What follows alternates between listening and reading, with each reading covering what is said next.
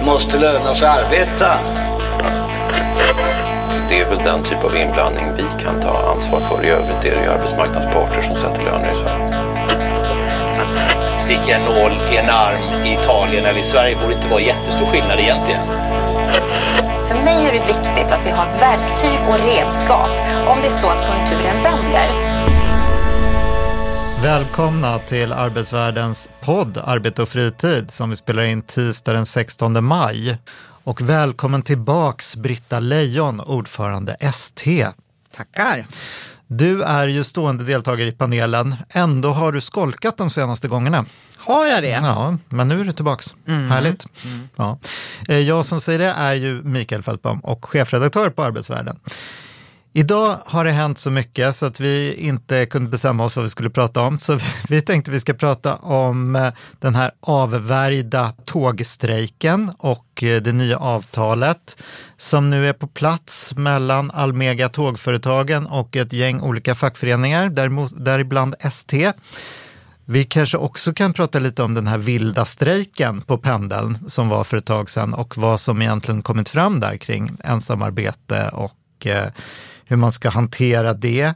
Eh, sen kanske vi får en spaning om hot och våld mot statstjänstemän dessutom och vi avslutar med lite Turkiet-val. Så häng med! Britta, det var ju eh, det var strejkvarsel. Det var hot om att det skulle bryta ut en strejk först i torsdags förra veckan och sen en måndag den här veckan. Men i sista stund så kom ett eh, avtal på plats. Vad var stridsfrågorna?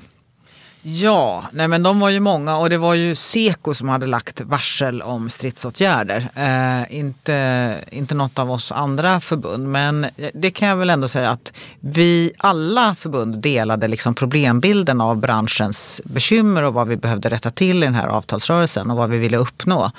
Eh, och vi hade relativt likalydande yrkanden och sådär. Så att vi eh, höll en god gemensam facklig front och det tror jag också faktiskt är en av förklaringarna till varför vi efter extremt intensiva förhandlingar dygnet runt de sista dagarna, i, eh, igår morse faktiskt, slöt ett avtal. Men först så säger du att det var bara Seko som varslade om strejk och Ja. sen säger du att det var så gott samarbete.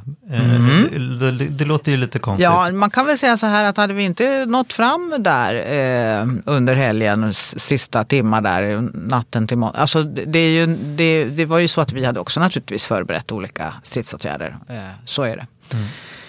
Eh, och jag vet ju inte, men jag kan livligt föreställa mig att eh, det fanns en hel del förberedda aktioner också på motpartens sida misstänker jag. Eh, Det var mycket som stod på spel och svåra förhandlingar. Men vad man kan säga vad, det ja, vad, kom om. ni, vad fick ni då som gjorde Ja, men- att ni kunde gå med på ett avtal? Ja, men materiellt sett så fick vi en nivå i linje med märket. Eh, tvåårigt avtal i linje med märket. Men vi fick en, vilket var viktigt, åtminstone nu ska jag inte prata om andra förbund utan jag ska prata om mitt eget. För oss var det viktigt, för våra medlemmar i branschen var det viktigt med en hög eh, individgaranti och det fick vi. Eh, Så att det var en, en, en viktig pusselbit för att vi skulle kunna ta ett avtal. Eh, Och sen fanns det också eh, stor, jag menar, stora bekymmer med arbetstidsfrågor förstås och ensamarbete. och Sådär. Eh, Men hela branschen har inte riktigt samma typ av verksamhet och samma problem. Men Sena ändringar i scheman var också naturligtvis en av de absolut viktigaste frågorna och det var ju den frågan som, som liksom satt väldigt hårt åt för Seko som var orsaken till att de la sitt varsel. Eh, Den ohållbara situationen med att man från arbetsgivarens sida väldigt sent ändrar planerade scheman. Just det, inte det där, det där reagerar man ju på, de skyller ju på Trafikverket, Mm. säger att de eh, planerar sina banarbeten så himla sent och det Mm. där känner man ju igen som tågresenär också, att man eh, knappt kan boka biljetter för det, Trafikverket meddelar inte när det pågår banarbeten och sådär. Är inte det lite udda att det är en myndighet som skapar sådana här, sånt här eh, Alltså så här skulle jag vilja säga. Jag tror att stök i Orsak- en avtalsrörelse? Ja, och det är ju inte Trafikverkets ambition, inte alls, utan tvärtom har ju de gått upp i stabsläge för att hantera svårigheterna som de har med it-system som inte levererar enligt plan och sådär jag skulle vilja säga att orsakerna till att vi är där vi är med järnvägssystemet faktiskt i grund och botten eh, är beroende av felaktiga politiska beslut. Bristfälliga investeringar. Eh, ur mitt förbunds perspektiv felaktiga beslut om att man har splittrat upp ansvaret för eh, underhåll av järnvägssystemet och Eh, personligen tycker jag också att det är olyckligt att man har så många olika aktörer på järnvägen eh, som liksom det blir, eh, det blir väldigt svårt att få det att hänga ihop och det ser vi effekten av idag. Sen vill jag också passa på att djupt beklaga att den här regeringen inte fullföljde planerna på en, en ny stambana. Det är faktiskt så att vi behöver den. Inte framförallt för att man ska kunna åka fort mellan Göteborg och Stockholm, vilket i och för sig vore bra, utan framförallt för att om vi fick en till stambana så skulle vi kunna separera godstrafik från persontransporter och vi skulle kunna få den här tillförlitligheten och turtätheten i både godstransporter och persontransporter som vi idag inte har. Eh, så, att, eh, så det, är inte beslutet, Trafikverkets fel utan det, det är privatiseringens fel? Eh, ja, ja, i grund och botten tycker jag att det är felaktiga politiska beslut. Men mm. sen är det klart att Trafikverket någonstans måste ha gjort, inte vet jag varför man har hamnat i det läge man har gjort där man nu de system man har beställt för IT-infrastrukturen och för, inte bara det, utan planeringen. för planeringen av mm. trafiken inte levererar. Mm jag vet inte orsaken till varför det är så. Jag vet bara att de nu har gått upp i ett stabsläge som ska pågå ända till nästa år.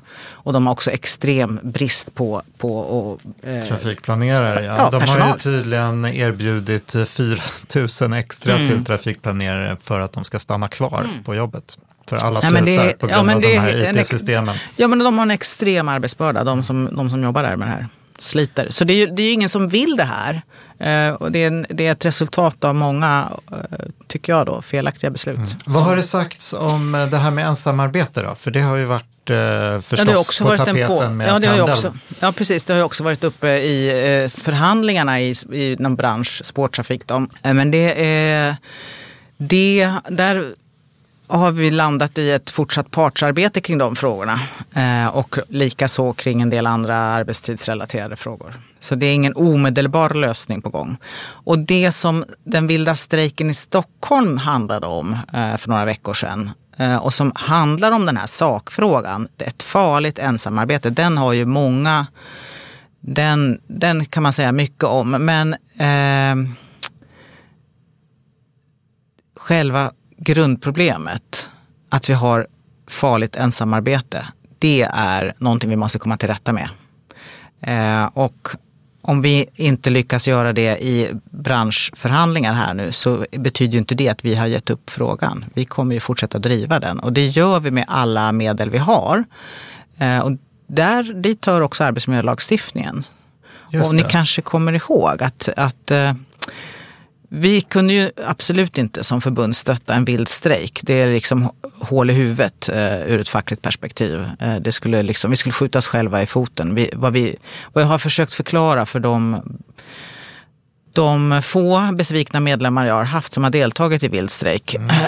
och som inte vi kan stötta när de har sökt eh, rättshjälp från förbundet. Eh, jag har försökt förklara för dem att det handlar inte om att, att ni har fel i sakfrågan, men ni har, vi, kan inte agera så. Då underminerar vi hela vår legitimitet. Alltså, vad vi säljer i en förhandling, det är ju arbetsfred. Och om vi själva skiter i Eh, att hålla oss till de överenskommelser, de avtal vi har slutit med arbetsgivaren. Vilken arbetsgivare vill i framtiden sluta ett avtal med oss?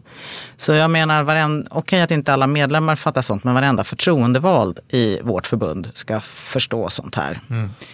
Eh, så, men, så att jag tycker nog att det har funnits en förståelse, eh, även om det kanske i början var lite sådär upprört kring den frågan så tycker jag nog ändå att det har landat, alla fattar, de flesta fattar i alla fall. Just det, men nu fortsätter ni driva det här rättsligt. Mm, ja, det gör vi. För det är klart att vi inte ger upp själva sakfrågan. Sakfrågan är grymt viktig. Det är eh, bedrövligt av Region Stockholm, för det är ju Region Stockholm som upphandlar den här pendeltågstrafiken. Och man har gjort en upphandling då med MTR som man nu då i och för sig precis har också sagt upp från och med 26. Men i alla fall, man gjorde en upphandling med MTR som sköter trafiken eh, som var de hade ju gett ett alldeles för lågt anbud, det är helt uppenbart. Och därför har de då skurit kostnader och ett sätt att skära kostnader är att minska på personalen och istället ersätta personal med kameror. Mm. Ja, där hade ju politiken blandat sig i också och sagt eh, på detaljnivå att eh, man hade tydligen, de hävdar ju att de inte har tagit något beslut om just eh, att tågvärdarna ska bort, men däremot har gett tillåtelse att sätta upp kameror då, vilket mm. i praktiken innebär att man tar bort tågvärdena, mm. som jag förstår det.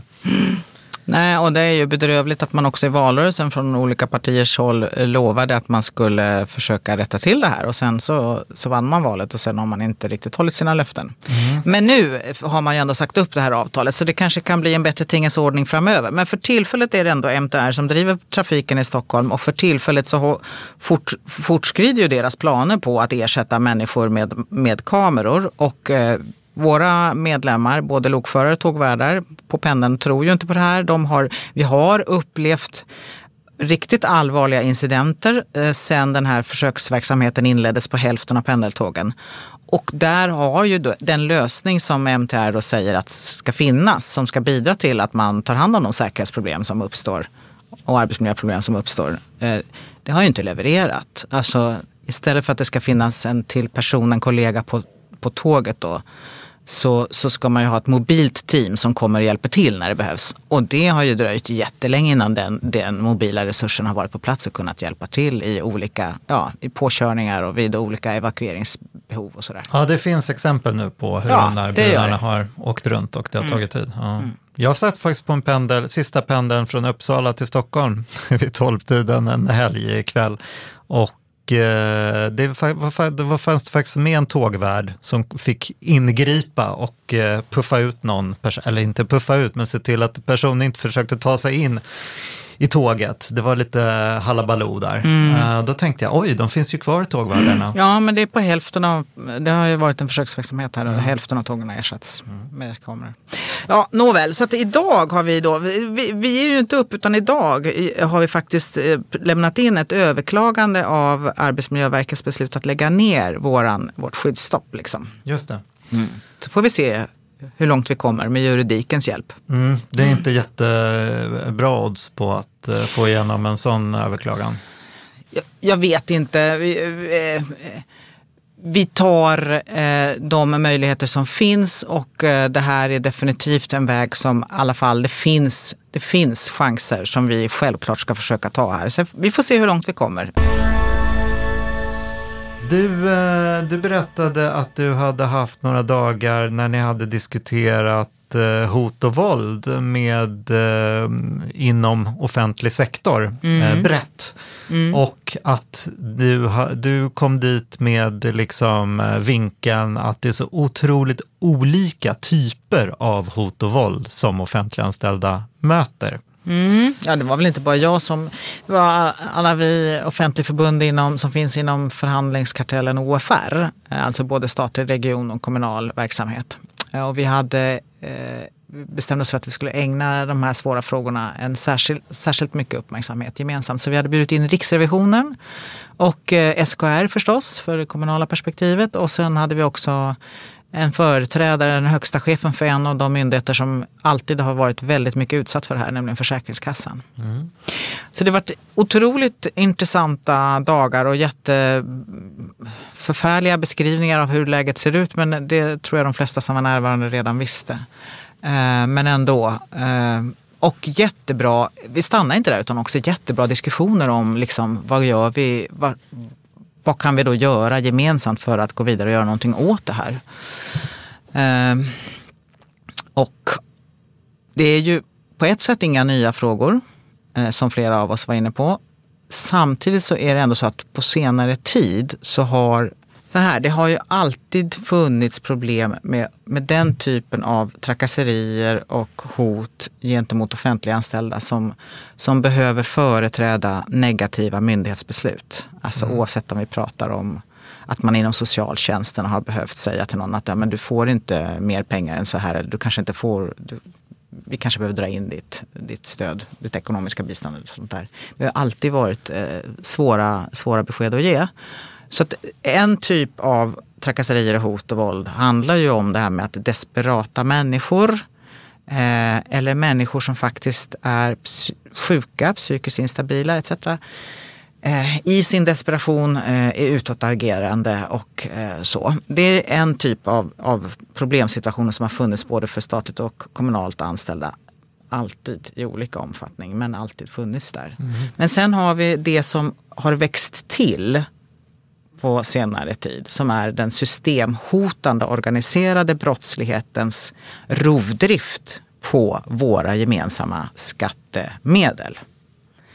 Och den är idag av en sån omfattning att den är just systemhotande och måste behandlas därefter. Och vikten av att klara av att prata om båda de här frågorna som för de kräver eh, helt olika sorters åtgärder och helt olika sorters förebyggande arbete. Stora, Vi måste klara av både och. Ja, hur stora, finns det någon sån, hur många hot är av typen eh, desperation och hur många är av liksom mer brottslig karaktär?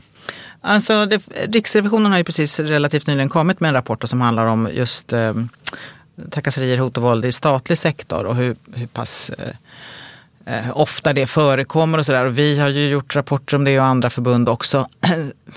Så det finns, finns det uppskattningar, men de är ändå bara uppskattningar för det finns ett stort mörkertal här. Eh, det finns både självcensur och lite får man tåla kultur på många ställen. Eh, och det finns bristande system för att hämta upp ha incidentrapportering etc. Så att jag tror jag avstår från att säga någonting om det. Men, mm. men den intresserade kan ju läsa Riksrevisionens senaste rapport. Och sen när det gäller det här andra, det systemhotande, så finns det inte så mycket eh, att ta på av när det gäller omfattningen. Det finns uppskattningar där också. Från, jag tror att det finns både från Försäkringskassan och från andra håll kring hur mycket pengar, och från polisen, Ekobrottsmyndigheten, hur mycket pengar det handlar om. Men, men det säger sig självt att där finns det ännu mera mörkertal. Mm. Men, men, men mm. så, så viktigt att vi som samhälle klarar av att handskas med det här. Och en ors... Ibland... Jag tror ju tyvärr att en orsak till att den här... Att vi inte har kommit längre i det förebyggande arbetet av det här mer, vad ska jag säga, det som, det som inte är utifrån den organiserade brottsligheten utan mm. som av andra orsaker. Det, det som har funnits länge som du ja. är inne på. Eh, jag tror att det är en, en faktor till varför inte mer krut har ägnats åt det är att det är ofta kvinnodominerade arbeten som kanske inte alla gånger har jättehög status, om jag ska vara ärlig. Jag tror att det finns med som en förklaring till varför man inte har uppmärksammat det tidigare tillräckligt mycket. Uh, ja, uh, och, ja.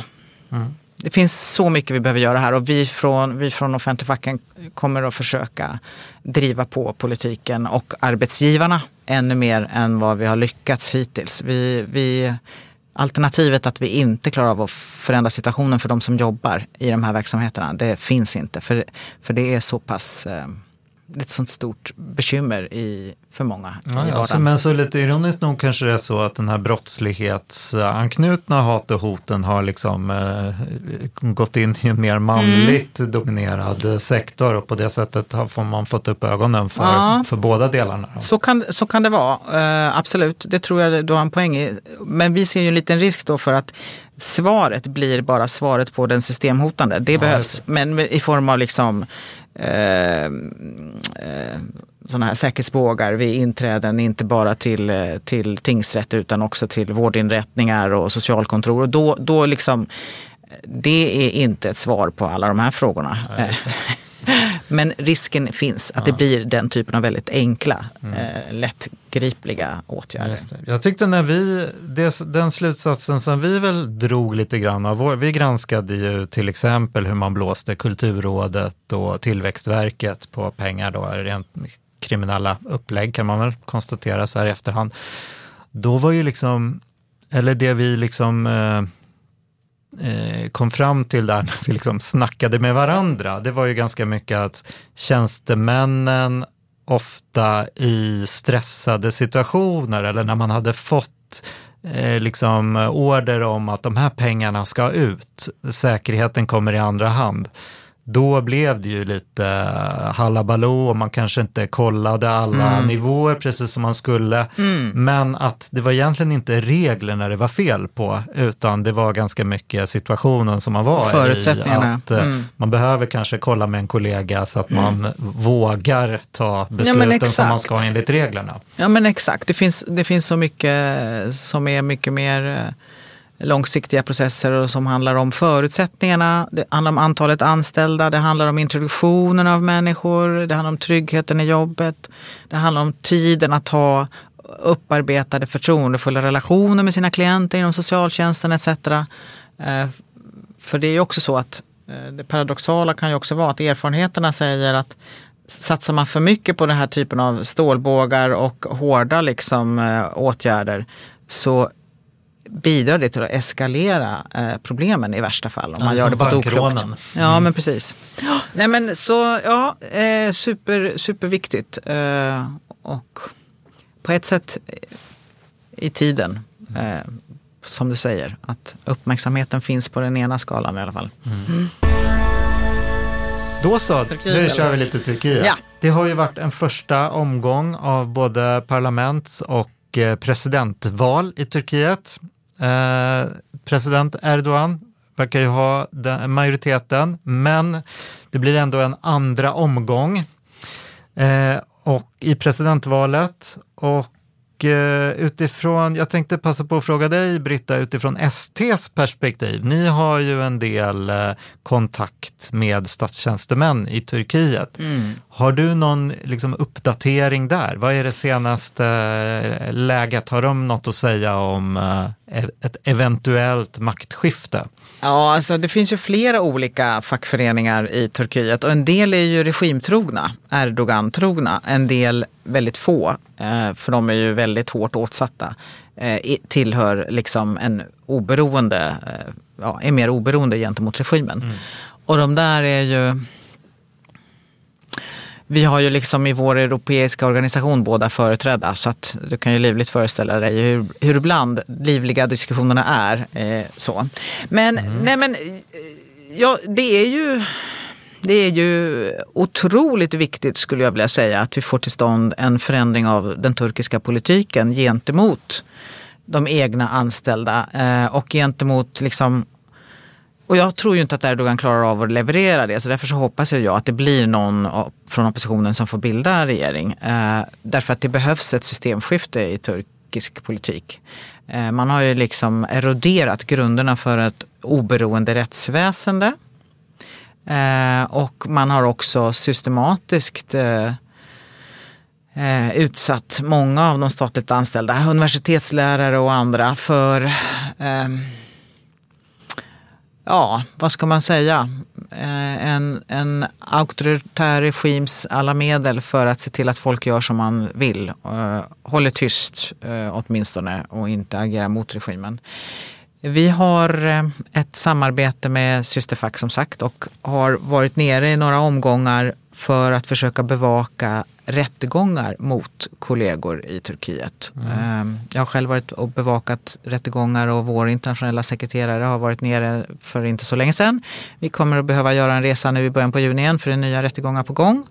Och där handl- ja, men det är sådana här Kafka-artade processer som pågår år ut år in eh, mot vanliga hederliga eh, liksom tjänstemän i stat och kommun och som bara gör sitt jobb alternativt också faktiskt är engagerade i eh, kanske facklig organisation eller organiserade och engagerade i eh, att alla som bor i Turkiet ska ha rätt till vård när de behöver. Vi har vård, vårdanställda som hamnar i fängelse för att de är organisera sig för att ge vård till alla som behöver, alltså även till flyktingar i Turkiet och sådär. Eh, Eh, ingen orsak verkar vara för liten för regimen för att tycka att den här typen av tjänstemän är misshagliga och att man gör livet till ett helvete för dem och förföljer dem på olika sätt. Man Just det, tar så det är deras sådana grejer som eh, provocerar då, att man eh, ger Man- vård till flyktingar och att man är fackligt aktiv. Att man är fackligt aktiv. Att man, det räcker med att du organiserar en demonstration till försvar för mänskliga rättigheter så är du misshaglig i regimens ögon och riskerar fängelsestraff och är utsatt för Kafkaartade processer. Du blir fråntagen ditt pass, du, får kanske, du blir kanske svartlistad, får inte fortsatt, fortsätta jobba på universiteten etc. Ja, allt möjligt råkar du ut för bara för att du gör sånt som i ett vanligt demokratiskt europeiskt land skulle betraktas som fullkomligt legitima och vanliga eh, liksom, uppgifter. Ja. Så att jag hoppas på ett regimskifte, men det verkar ju inte riktigt se ut som att det kommer hända den här gången. Nej. Då har vi faktiskt med oss Ylke Hulago, eh, frilansjournalist, Turkiet-kännare eh, på distans eh, ska se om vi kan koppla upp henne. Du lämnar oss Britta, tack för att du var med. Tack. Ja, välkommen till podden Ylke Hulago, eh, frilansjournalist och Turkiet-kännare. Tack så mycket. Du, jag tänkte passa på att fråga dig då. Nu eh, verkar ju Erdogan eh, leda hans AKP över eh, utmanaren oppositionens Kilic Daroglu. Eh, var det väntat? Det här, det här är en stor diskussionsfråga i Turkiet just nu. Red, långt före valet så har det varit väldigt mycket diskussioner om valsäkerhet. Det har varit, kommit uppgifter om hur valfusket kommer att gå till. Så det här är något som har engagerat, eh, inte, alltså, inte om det kommer att fuskas utan i vilken utsträckning och på vilket sätt. Och det är ju ganska, ja, det är närmast chockerande kanske ur ett svenskt eh, perspektiv att man lever med en sån oro. Sen, eh, så, och sen är opinionsmätningar kända för att inte vara särskilt säkra men ju närmare valet det kom så såg det ju ut som att Kılıçdaroğlu ändå hade en väldigt god chans att det var kanske ganska jämnt eller till och med eh, att han skulle vinna då enligt opinionsundersökningar. Så, att, så det resultatet som kom under kvällen var ju en kalldusch för eh, opinionen samtidigt som det hela tiden fanns bedömare som sa att nej men ha inte ursäkta, eh, vi måste hålla förväntningarna på rätt nivå. Men vad som har hänt efter en valnatt som såg ut att ha gått ganska lugnt till utan några så här jättestora incidenter men ändå några omdiskuterade händelser. Till exempel att eh, valarbetare stod och väntade i kö i många timmar för att få lämna in sina eh, säckar med röster till en sista räkning och verifiering samtidigt som det levererades ett resultat och siffror. Eh, och sen eh, då att det inte riktigt var, var klart Eh, och hur det där, de här sista turerna gick till så, så var det ändå så här, ja men okej, men vad som, ja, det, nu blev det det här valresultatet, men vad som har hänt de här sista den sen, absolut senaste eh, tiden. Idag är det onsdag och igår tisdag så började det komma rapporter om att eh, där man faktiskt avslöjade oegentligheter i, eh, i olika valkretsar.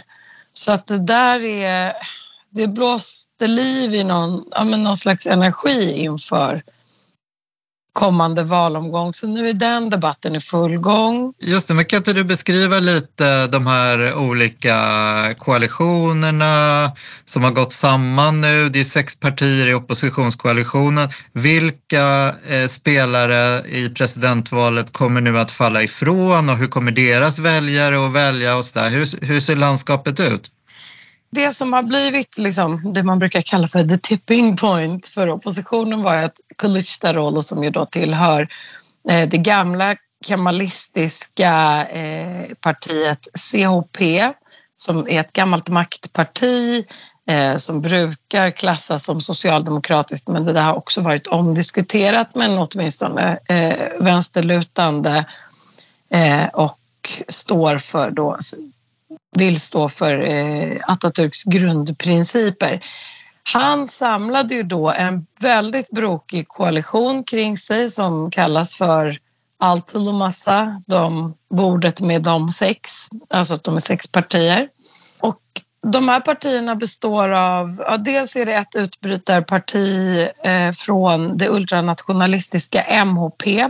MHP är lierade med Erdogan det här utbrytarpartiet i parti leds av eh, Meral Akşener, den enda kvinnliga partiledaren eh, av alla partier i parlament, eh, parlamentet förutom prokurdiska HDP eller Yeşil Sol Party som de har gått till eh, val som, som har ett kvinnligt språkrör de andra partierna är olika högerpartier. Två av partierna är nybildade och leds av före detta lerade till Erdogan. Det ena av Erdogans före detta finansminister eh, som var ett stjärnskott, ett ungt stjärnskott på ekonomihimlen när han eh, klev in på arenan och fortfarande anses eh, vara det, Ali Babajan.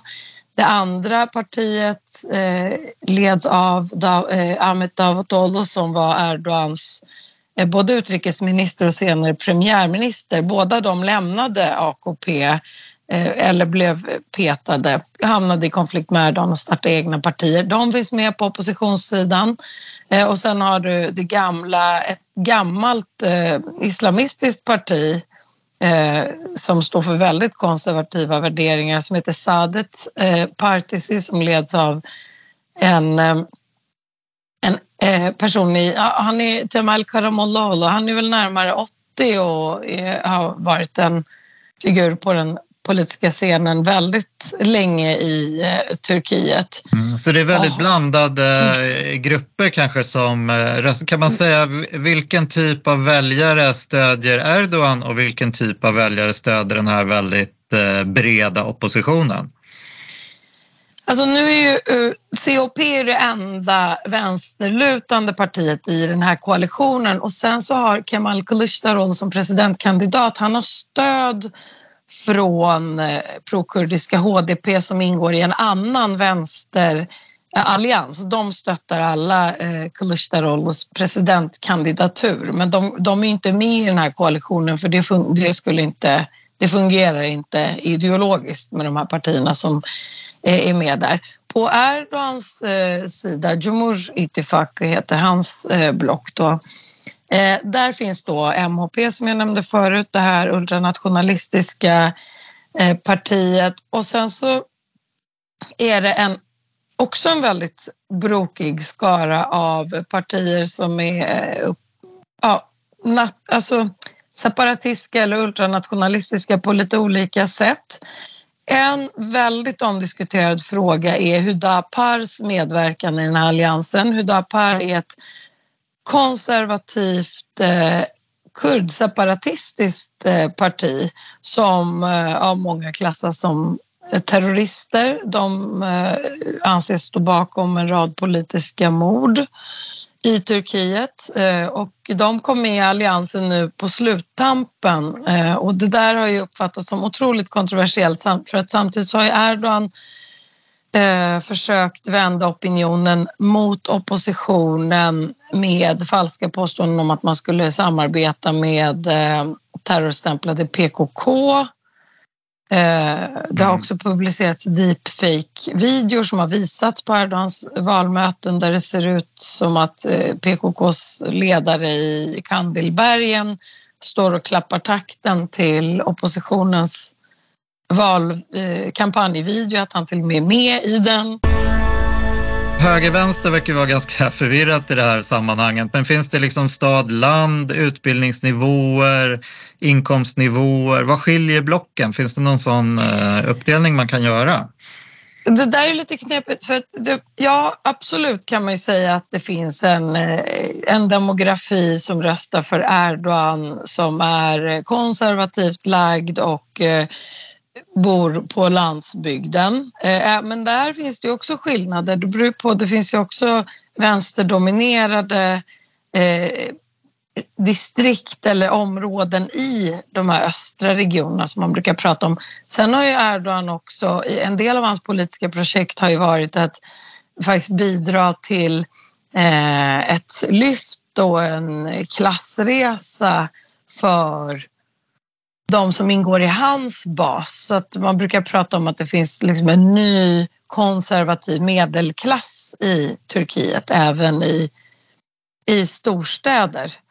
Så att det där är... Um, mm. Men om man tittar på röstfördelningen nu på en karta så ser man tydligt att det är som det alltid har varit, liksom att det är eh, CHP och vänstern är starka längs västkusten och sen så är det inlandet, alltså Anatolska högslätten och österut är mycket eh, AKP. Så det stämmer överens med hur också var storstäderna ligger, med undantag för Ankara. Och sen Svarta havskusten brukar man eh, prata om som traditionellt ultranationalistiskt. Men det här har också luckrats upp eh, delvis med eh, Kılıçdaroğlu. Mm. Vilka Sen, är vallöftena då från de två eh, lägren? Vad är det för visioner man, man vart vill man ta Turkiet? Alltså Erdogan han pratar ju om så här, med mig, utan mig så kommer allting, eh, så kommer ingenting fungera. Jag är garanten för stabilitet eh, och en god framtid. Alltså mer av, mer av samma. Och det här gillas ju av hans väljarbas förstås som kallar honom för reis eller befälhavaren och är väldigt trogna och lojala. Han har satsat mycket på, han har ju sin eh, svärson som brukar pekas ut som hans kronprins eh, som äger ett eh, eh, krigsmaterielföretag som bland annat gör de här drönarna som har varit väldigt populära i Ukraina. Används av den ukrainska militären. Eh, han, den svärsonen Selchuk Bayraktar eh, har hamnat väldigt mycket i fokus och man har pekat, alltså, där har krigsindustrin pekats ut som en del också i valkampanjen. Detta att titta vad bra det går för oss och man har också pratat om framtagandet av en egen turkisk bil. Eh, ja, lite åt Tesla-hållet där, men det är egentligen ett gammalt projekt där som man försöker presentera som något nytt. Ja. Ja, eh, oppositionen några, ja, oppositionen, där handlar det ju väldigt mycket om så här Kemal Kılıçdaroğlu är ju själv eh, gammal byråkrat, det trycker han på. Han säger jag är, jag är ekonom, jag vet hur man lägger en budget, jag har jobbat i 27 och ett halvt år inom statsadministrationen.